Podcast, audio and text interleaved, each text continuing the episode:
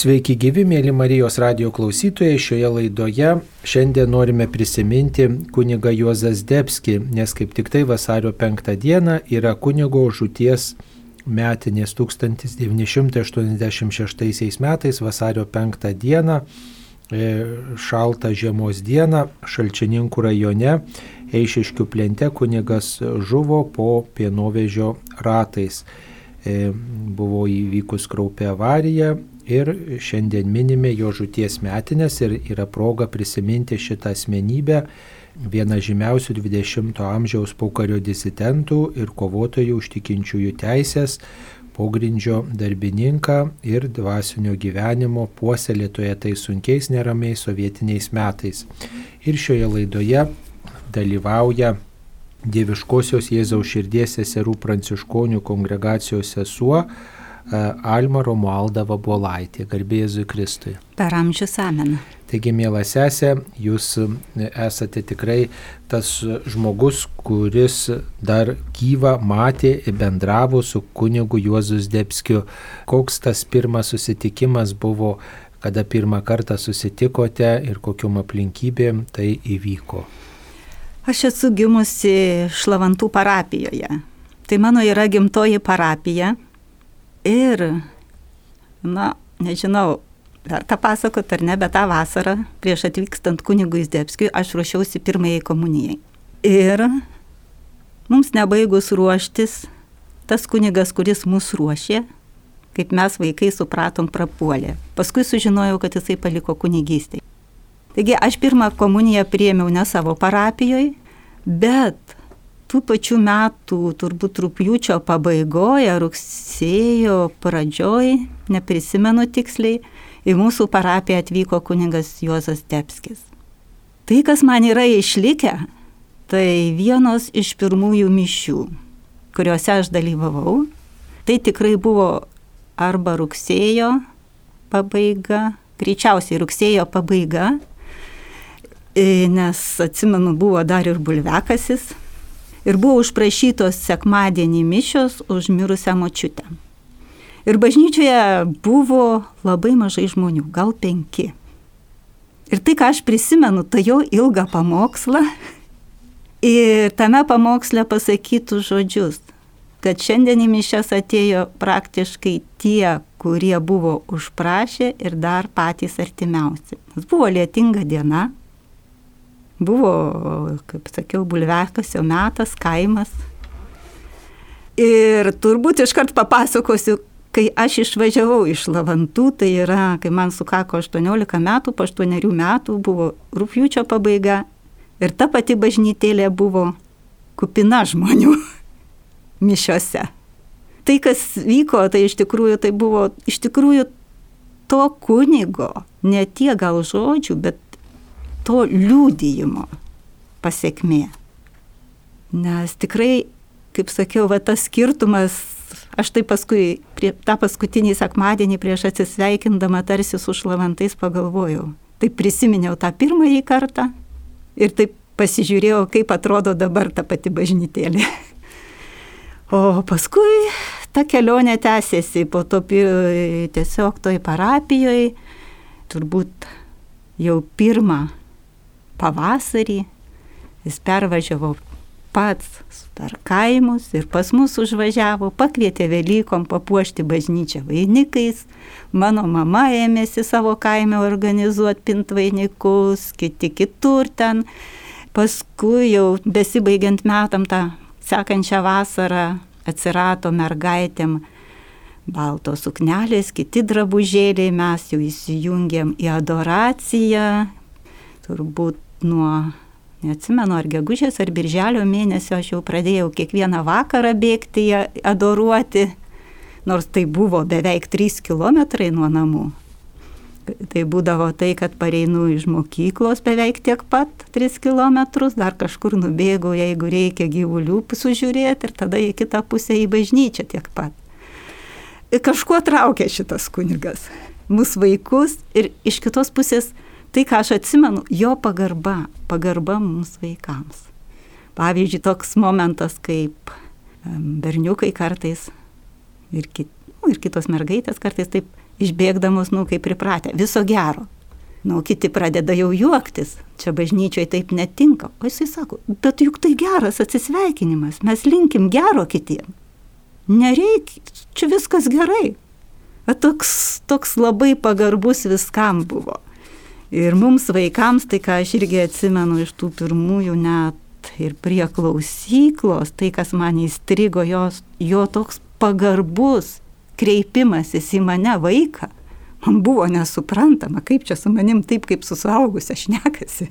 Tai, kas man yra įstrigę iš tų pačių pirmųjų susitikimų. Na, e, šioje laidoje gal daugiau skirkim dėmesio E, kunigo Zdebskio tokiam dvasiniam gyvenimui, ko galėtume pasimokyti iš jo kunigo dvasingumo, iš jo santykio su Dievu, apie tai ir knygose yra daug parašyta, tačiau jums galbūt teko nujausti, matyti arba iš kitų žmonių girdėti, koks kunigo buvo dvasinis gyvenimas, ką jis labiausiai brangino, e, kokias pamaldumo praktikas, prie ko buvo labai prisirišęs ir apie ką galbūt daugiausiai kalbėdavo savo pamoksluose. Šiaip tai gal ne tiek apie tai kalbėdavo, bet manau, kad tai buvo viso jo dvasinio gyvenimo pagrindas. Tai yra jo asmeninis santykis, asmeniniai maldoj su Dievu. Taip, jis kalbėdavo apie įvairias maldos formas, bet aš kiek skaičiau ir kiek suprantu, kad tas jo pasiryžimas dar seminarijos laikais, nedienuot be mastomosios maldos, buvo jo viso gyvenimo pamatas. Nes tai, ką mes matėm, kad tai, ką jisai kalbėjo, ką jisai darė, jis tuo gyveno. O be šito turbūt tai būtų neįmanoma. Ir prisipažinsiu, aš net nustebau, kai aš perskaičiau, ką jis apie save sako, kad jis labai choleriško temperamento, piktas. Aš jo tokio niekada nemačiau. ir galvoju, kad tai ir yra, manyčiau, tos maldos vaisius. Nes Ir aš pati patyriau, kai jau buvau paaugus. Nu, dar, aišku, mano bendravimas buvo nuo 10 iki 18 metų su juo. Paskui labai buvo jau nedaug per tuos kelis metus, e, labai nedaug tokių susitikimų. Bet bebaigiant vidurinę, jis kažkurio metu man davė tokią rekolekcijų knygą ir paaiškino, kaip ją naudotis ir pasiūlė pabandyti pamastyti ir pažiūrėti, ką aš galiu savo pritaikyti. Tai va čia mano toks asmeninis prisiminimas. Tai, tai, ką jisai siūlė, tai jis tikriausiai ir pats tuo gyveno. Ir aš tuo neabejoju. Nes kai skaitant irgi jisai kalba, kad mastomojoje maldoje jis pažvelgdavo Dievo žvilgsniu į tai, kas vyksta aplinkui. Ir turbūt aš tik, va dabar turbūt ruoždamasi šitam susitikimui pagalvojau, aš tai iš kur tas tokio gyvenimo ir tikėjimo ryšys ir man, man tai yra pirmoji vietoje. Aišku, tai buvo ir ne tik jo, bet jisai augino paauglystėje, nes tėvų, nors tai buvo ir, ir senelių, nors tai buvo labai paprastas tikėjimas, bet iš tikrųjų jis buvo gyvenimiškas tikėjimas. Tai nebuvo atsėti dalykai.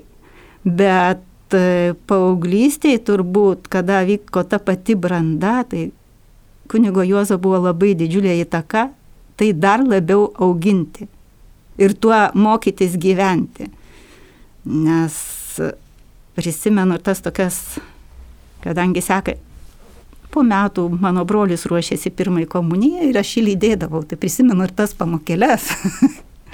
Aš jau buvau didelė, toliau sėdėjau, bet man buvo įdomu klausyti. Bet daugiausiai tai, ką atsimenu, to asmeninio ryšio su Dievu. Ir toje maldoje jis ėmėsi jėgų.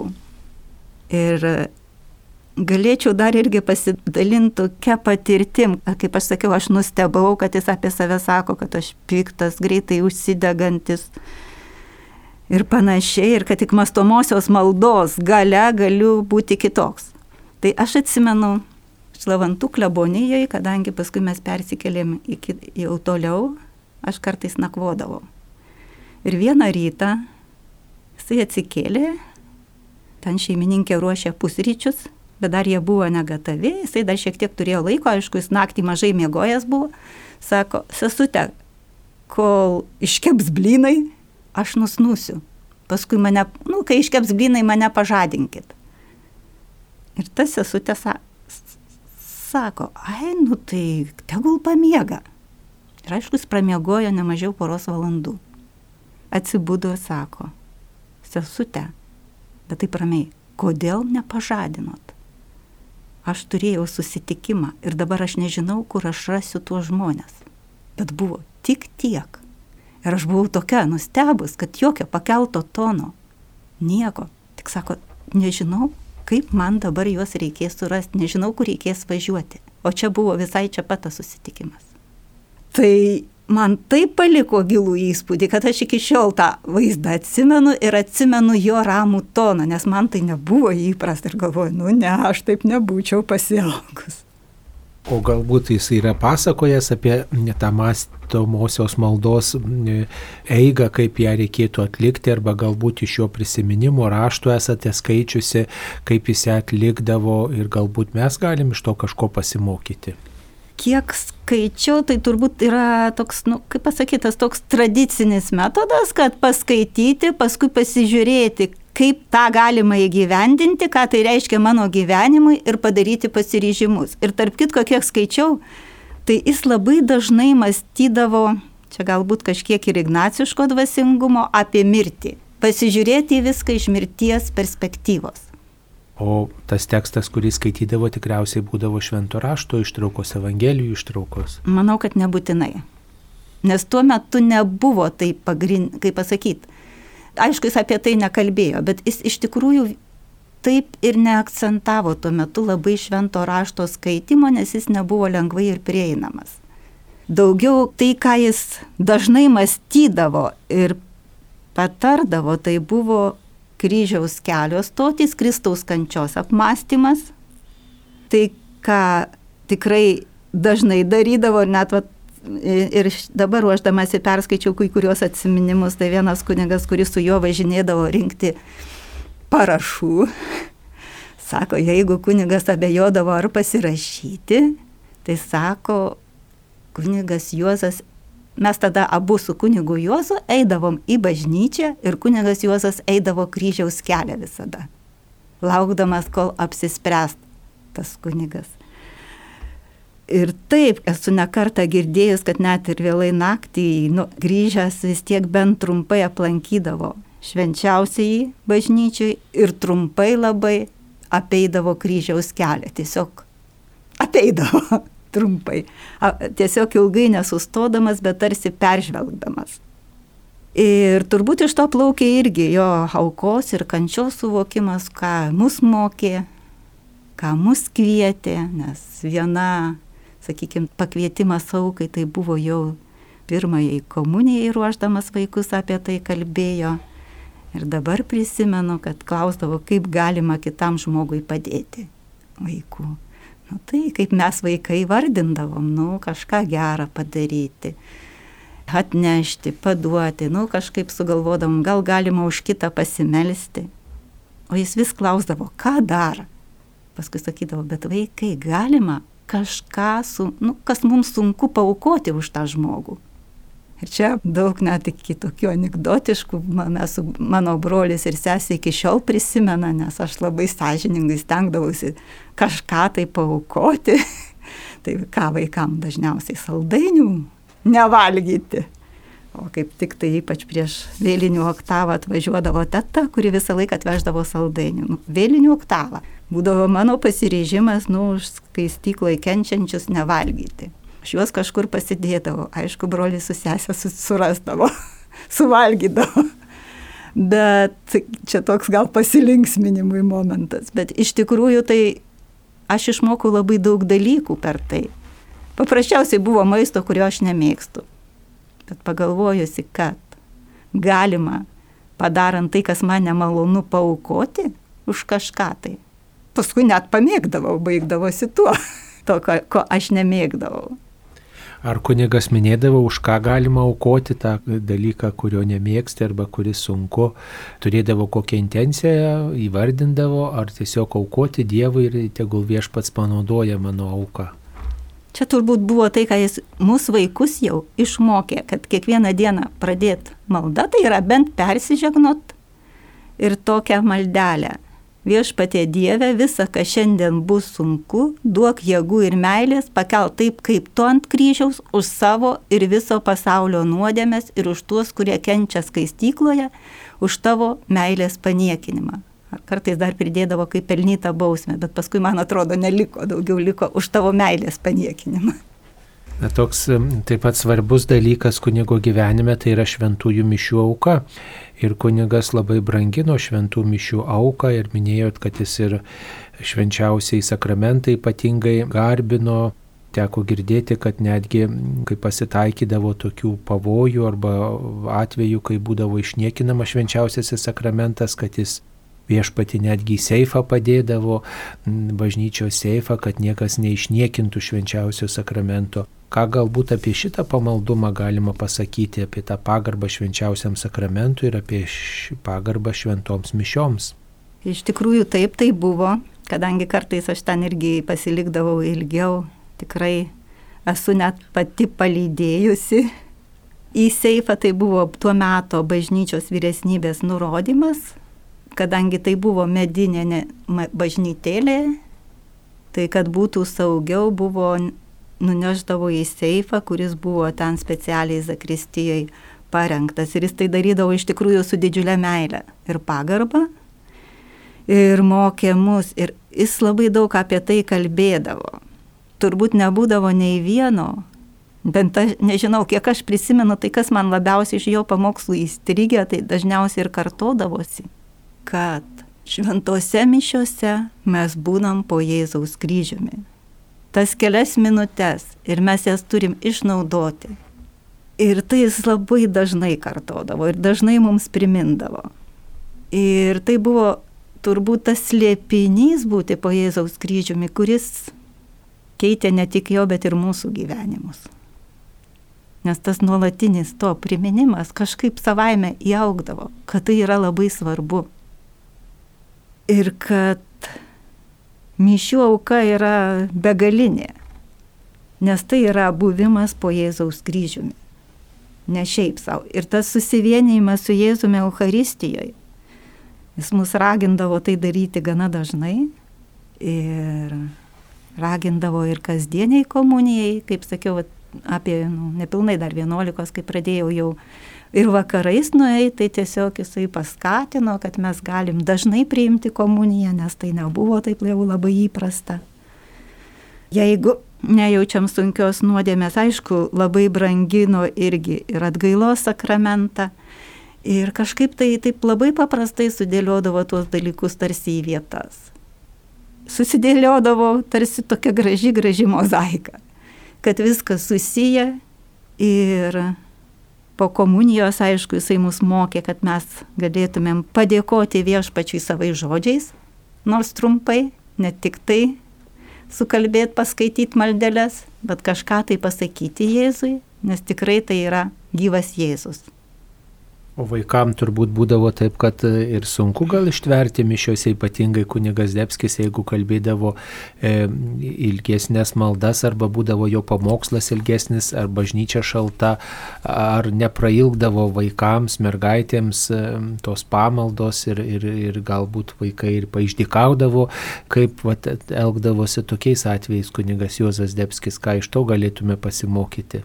Iš tikrųjų būdavo visko, kadangi paskui jau kaip paauglė, tai net ir organizuodavau mergaitės ir būdavo labai daug mergaičių, nors tai kaimo parapija, bet tuo metu tikrai vaikų buvo daug. Ir aš atsimenu, nu, vieną kartą suskaičiavau vaikų, tai nebuvo atlaidai, bet tai buvo devintinių oktavos užbaiga, kai laimindavo vaikus. Tai buvo parapijos vaikai praktiškai ir aš suskaičiavau, kad buvo aprengta drabužėliais dalyvauti procesijoje virš 90 vaikų. Vaikų ir jaunimo tame įėjo dar. Šiek tiek ir jaun, ką galima vadinti jaunimu buvo, bet apie 90 su trupučiu. Bet kas traukdavo tuos jaunus žmonės, jų kunigas buvo tokio gana, kaip jisai save cholerikų gal vadino, bet kiek melancholiško būdo, štai klausomės jo balso įrašo, tai kalba taip ramiai, lietai kalba, tai negi toks vat lėtas, ramus kalbėjimas gali patraukti jauną žmogų, kad ir anais laikais. Nežinau, kas traukdavo. Tai yra slėpinys. Turbūt tai, kad jis tikrai gyveno Dievu. Ir tai, ką jisai kalbėjo, tai buvo taip autentiška, taip tikra. Ir ta pagarba. Tai, ką aš sakiau, kad iš pirmų savo susitikimų momentų su juo, mane stebino, kaip jis mane vaiką taip gerbė. Ir net jeigu kažką ir pakritikuodavo, atsimenu, ten atėjo į bažnyčią su kelnėm, o sako, mergaitės, kai pasipuošia, tai tampa kaip berniukai.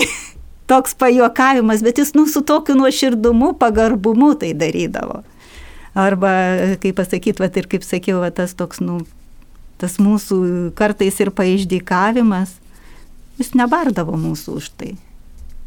Tik tai kartais e, kažkur kažką švelniai primindavo.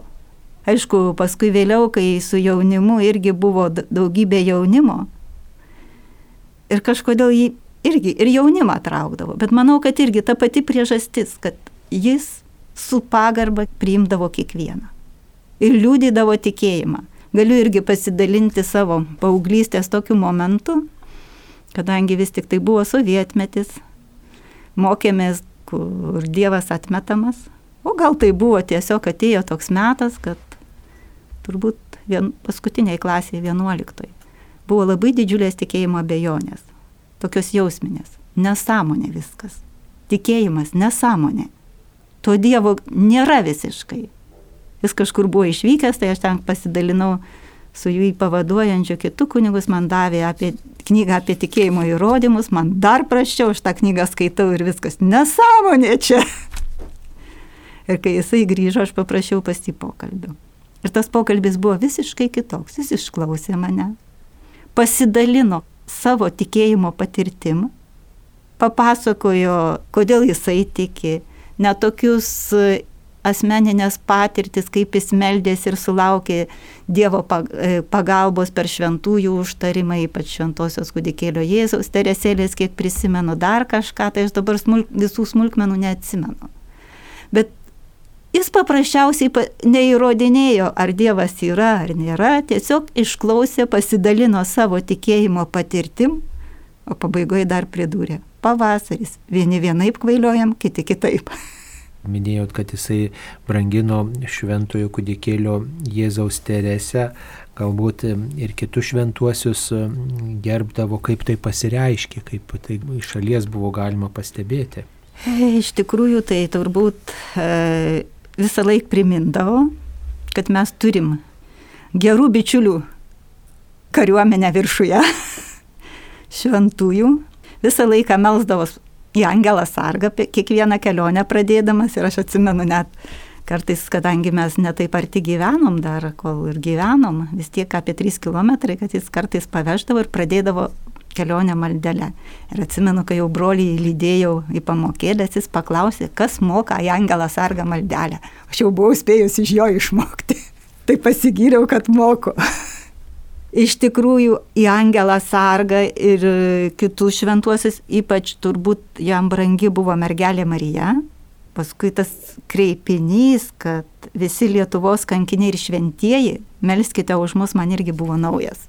Bet aš jį girdėjau iš jo per tą kariuomenę. Jis iš tikrųjų ir dalindavosi įvairiom tom savo patirtim, kurisai patyrė šventųjų globą ir užtarimą.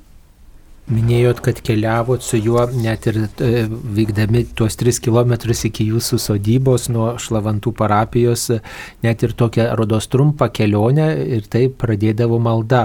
O e, teko girdėti, kad štai e, tie žmonės, kurie keliavo ilgesnės kelionės, tai beveik e, sukalbėdavo daugybę maldų, visas tris rožinio dalis tuomet dar nebuvo keturių dalių ir jisai mokėjo litanijas, bent keletą litanijų mintinai, tai tiesiog jisai vesdavo vairuodamas mašiną, o kiti turėdavo atsakinėti. Ir rodos vadindavo tai mūsų programa. Gal Taip. daugiau apie tai esat kažką girdėjusi? Iš tikrųjų, paskui vėliau teko ne kartą ir daugiau keliauti kartu.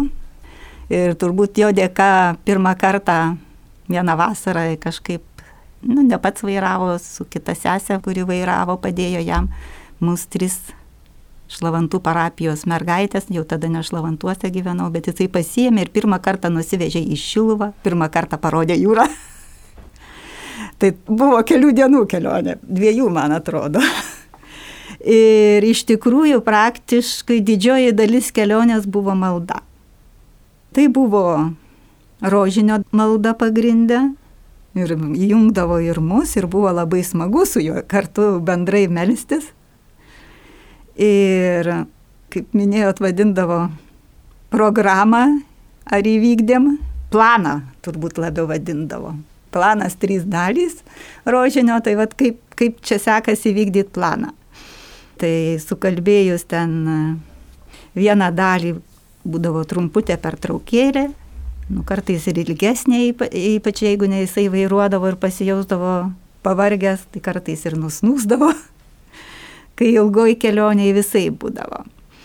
Ir paskui visą laiką būdavo ir mergelės Marijos litanija, kuri jam buvo, mergelė Marija buvo ta, kuri buvo, nežinau, turbūt e, jo visame kame pagalbininkė, nes į ją tikrai labai nuoširdžiai melsdavosi ir kai skaitau jo dienoraščio mąstymus, tai irgi visą laiką jis kreipėsi į mergelę Mariją. Patikė jai viską.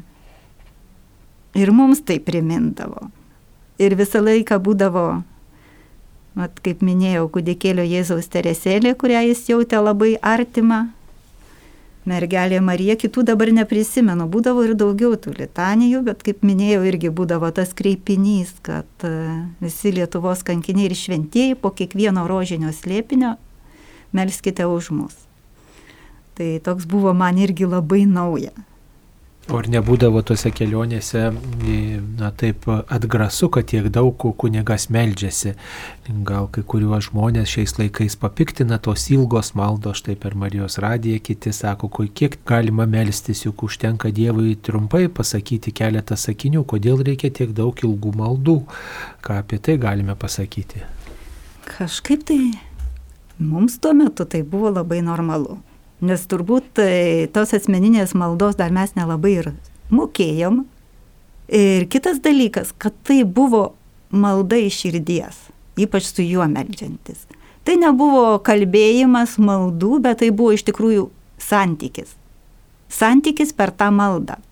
Aš irgi dabar kartais save pagaunu, kartais atrodo tiek daug maldų. Bet paskui kartais save irgi ir kai kas sako, paskui pabandau suprasti iš tikrųjų, ką tai reiškia ta žodinė malda. Ir man atrodo, kad tai yra tas toks, nu, galimybė į santyki. Ir į tą maldą galimybę, kalbant žodinės maldas, sąmoningai atnešti tai, kas vyksta ir aplinkui. Kartai sako, ai, tai man sunku susikaupti, ateina įvairios mintis, Tai aš pati taip darau ir kitiem patariu, sakau, tai tos mintis, kurios ateina, tai įpinkit į maldą ir bus nenuobodu. Ir nereikės, ir ne, nu, nebus įsiblaškimo. Pavyzdžiui, kažkada atsimenu irgi, kažkaip buvau atsakinga vienuolinę ir už maisto pagaminimą. Ir kažkaip per maldą teko išbėgti pasižiūrėti prie puodų. Atbėgau, galvoju, tai palauk, kaip čia persiorientuot. Sakau, Jėzau, aš tau atnešu dabar tuos puodus. tu palaiminkas ten vyksta. Man dabar rūpi tai. Taip kartais ir į rožinį, man dabar rūpi tai, Marija. Tai aš per tavo rankas tai atiduodu viešpačiai. Aš manau, kad kažkas tai būdavo irgi, tai malda, aišku, ypač paauglystėje, tai, kad kartu su kunigu melžiamės, tai buvo jau nuostabu. Ir iš kitos pusės iš tikrųjų jisai tą maldą irgi pakviesdavo įpinti įvairias intencijas. Ir vien tas vat, visi Lietuvos kankiniai ir šventieji jau nukeldavo, kad ta malda tapdavo ir malda už tėvynę Lietuvą. už visus tuos, kaip jisai sakydavo, nu, vargšus brolius, kaip jis vadindavo saugumiečius visus, kurie jį ir persekiodavo, ir kur kartais ir mum už tai kliūdavo, tų persekiojimų, tai tiesiog apimdavo visą. Ir tiesiog jinai kažkaip buvo labai natūralus dalykas. Kada sužinojot e, apie tai, kad jisai na, dalyvauja tokioj pogrindžio veikloje, štai žinojote tuo metu ar ne, kad jis štai ir tą pogrindžio kunigų seminariją buvo organizavęs, prie to labai prisidėjęs, kad jis ir kroniką pradėjo, e, na, vat, svarstė apie tą nu, tokius visokius spaudą platino, maldyną platino ir, ir vaikus ruoždavo, žodžiu, pogrindžio įvairiais reikalais susiminėjo. Tai, kad vaikus ruošia, tai ir mus ruošia. Galiu nuo to pradėti. Taip. E, tai, ko nežinojau, tai turbūt yra pogrindžio seminarija, sužinojau tik tai jau vėliau. O tikinčių teisų ginti komitetas, tai mes sveikindavom Dar buvo irgi tokia proga, kada jį sveikindavom kunigą ar kartais ir vieni kitus, būdavo labai įdomi dovanėlė. Tai yra, mes par, pa, nu, kažkas nupieždavo atviruką ir visi rašydavom, ką mes aukosim už kunigą. Juozą pavyzdžiui, ar vardadienio, ar gimtadienio progą sveikinam ir surašom kokias nors aukas. Ar ten kalbėsiu rožinį, ar nevalgysiu saldainių, arba kasdien vieną valandą, pavyzdžiui, skirsiu maldai tarp kitko, vieną valandą skirsiu maldai. Tai va, toks prisiminimas iškyla. Kažkada irgi buvo ir mes kažkaip ten visą dieną įsiskirstėm po valandą. Ir man kliuvo vakaras. Ir dažnai visa šeima būdavo tuo metu prie televizoriaus ir būdavo nepatogu man pasitraukti. Ir aš tada pasiskundžiau, sakau, aš nežinau, sakau, man ne visada išeina, tiesiog pasisakiau kaip dvasios tėvui. O jisai sako, bet tu gali ir sėdėdama mintyse melstis. Galvoju, kaip keista. Man tai buvo visiškai naujas patarimas ir nauja patirtis. Nes iš tikrųjų, turbūt ir kuningas Juozas buvo, kaip apie Pranciškų sako, jis nesimeldė, o buvo malda. Jis iš tikrųjų kiekvieną akimirką gyveno malda, tuo santykiu su Dievu kiek e, reikšmės turėjo kunigo pavyzdys, kunigo žodžiai, kunigo pamaldumas jūsų vienuoliniam pašaukimui, kad e, jūs esat štai šiandien vienuolį. Turbūt esminis dalykas tai, kad iš tikrųjų tikėjimo dovana, kuri tapo labai gili ir autentiška, kažkaip jis iš tikrųjų man gal net kartais skirdavo truputį didesnį dėmesį, nes kaip pasakyti, turbūt, jeigu ten su kitom mergaitėm, mano bendramžym, aišku, tai kažkaip tai buvau gal labiau mąstanti, labiau linkusi į tokį susikaupimą, labiau besidominti visų tuo. Kitas dalykas, iš tikrųjų aš juo pasitikėjau labai.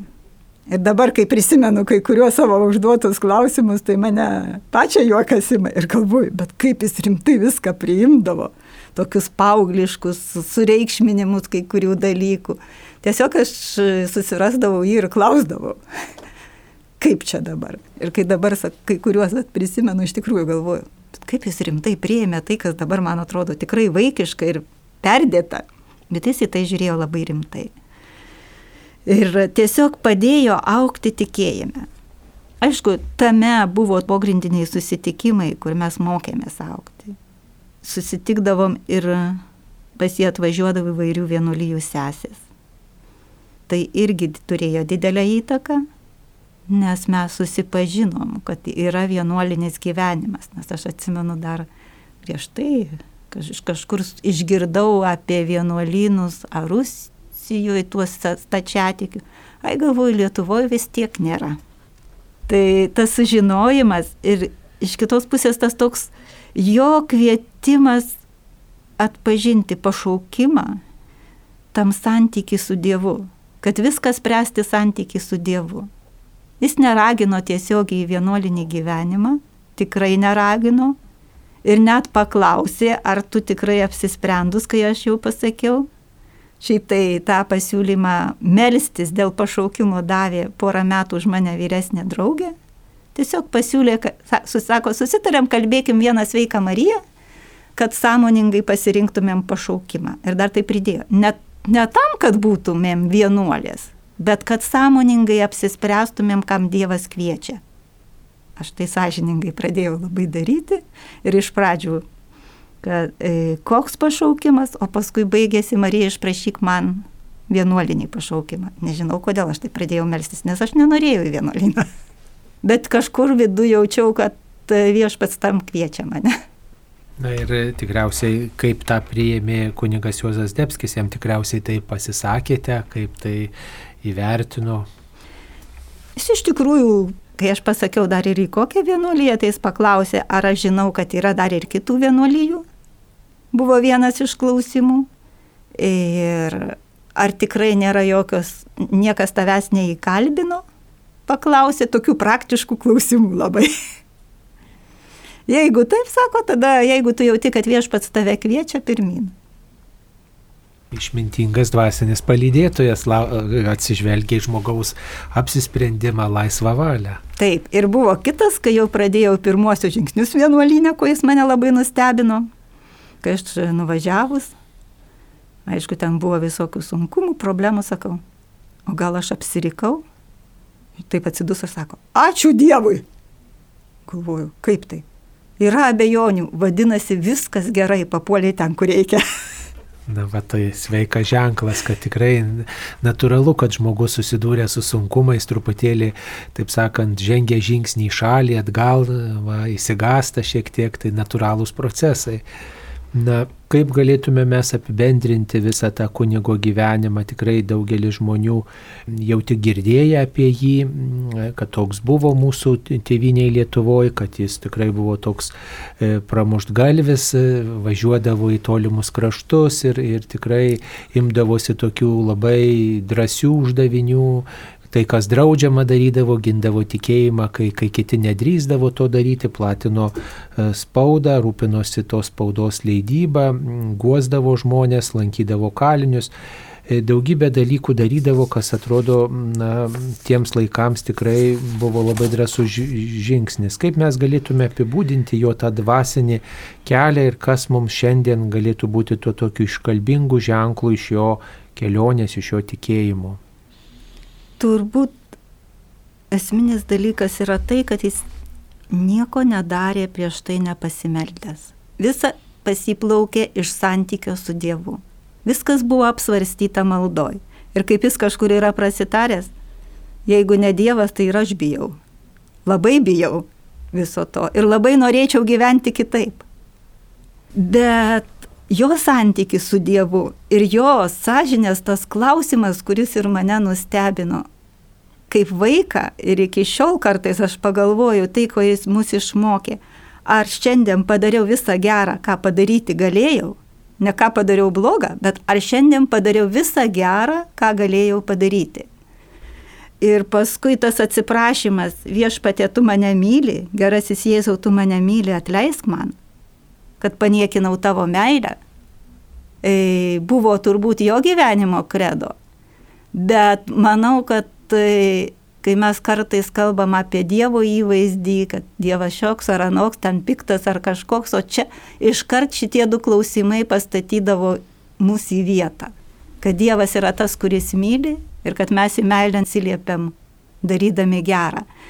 Ir iš to santykio su Dievu plaukė viskas, ką jisai darė. Tai nebuvo dėl kažko tai kito, bet tiesiog tai, ką jisai jautė, kad Dievas įkviečia tuo metu daryti. Plaukė iš jo santykio su Dievu. Bent, nežinau, bet man tai patvirtina, kai skaičiau irgi kai kurių mūsų bičiulių, tų, su kuriais kartu buvo susidūrėm, kad ir jie tą patį jausdavo. Ir iš kitos pusės tas toks labai žmogiškas žvilgsnis į viską. To žmogiškumo netmetimas kad ir bažnyčioje mes galim jaustis visai laisvai, kai pindavom vainikus, mes ten dainuodavom gale bažnyčios ir nesakydavo, kad čia bažnyčia šventa vieta, mums tai buvo, man tai irgi buvo nauja iš pradžių. Ir mes kartais net ten įsijautę, įsidirbę, kai jis pasirodydavo, visi nutildavo. O kad jūs viską gerai darot, viskas tvarkoj čia. Bet tas jo toks iš to santykio su Dievu meilės kupina žvilgsnis ir į visus žmonės. Ir į tai, kas vyksta aplinko ir tai, ką jisai matė, kad reikia daryti. Tom sąlygom, kokios buvo tuo metu. Mėly Marijos radio klausytojai, šioje laidoje girdėjote Dieviškosios Jėzaus širdies seserų pranciškonių kongregacijos vienuolę sesę Alma Romualdą Vabulaitę, kuri pasakojo apie kunigą Juozas Zdebski. Šiandien vasario 5-ąją minime jo žūties metinės. Kunigas Juozas Zdebski žuvo 1986 m. vasario 5 dieną netoli Eišiškių žuvo autoavarijoje ir tiesiog prisimenamas kaip tas, kuris e, gynė žmogaus teisės, kuris gynė bažnyčią tais sunkiais laikais ir e, dažnai prisimindavo ir sakydavo kitiems e, iš to pažins, kad esate mano mokiniai, jei mylėsite vieni kitus, e, kartodavo šiuos švento rašto žodžius, kalbėdamas apie Dievą. Labai simboliška, kad kunigas Juozas Debskis žuvo Šventos Agotos dieną, mergelės ir kankinės dieną, kuri taip pat dėl tikėjimo savo gyvybę atidavė. Ir dar labai simboliška, kad būtent vasario 5 dieną buvo atšventinta atgimimo laikais Vilniaus arkikatedra bazilika, dėl kurios atgavimo taip pat daug sielojosi kunigas Juozas Debskis. Tegul rūpestis dėl bažnyčios, dėl tikėjimo palydė ir mūsų gyvenimą sesė Alma Vobolaitė, kalbino aš kunigas Saulis Bužauskas. Ačiū, būkime palaiminti. Sudė.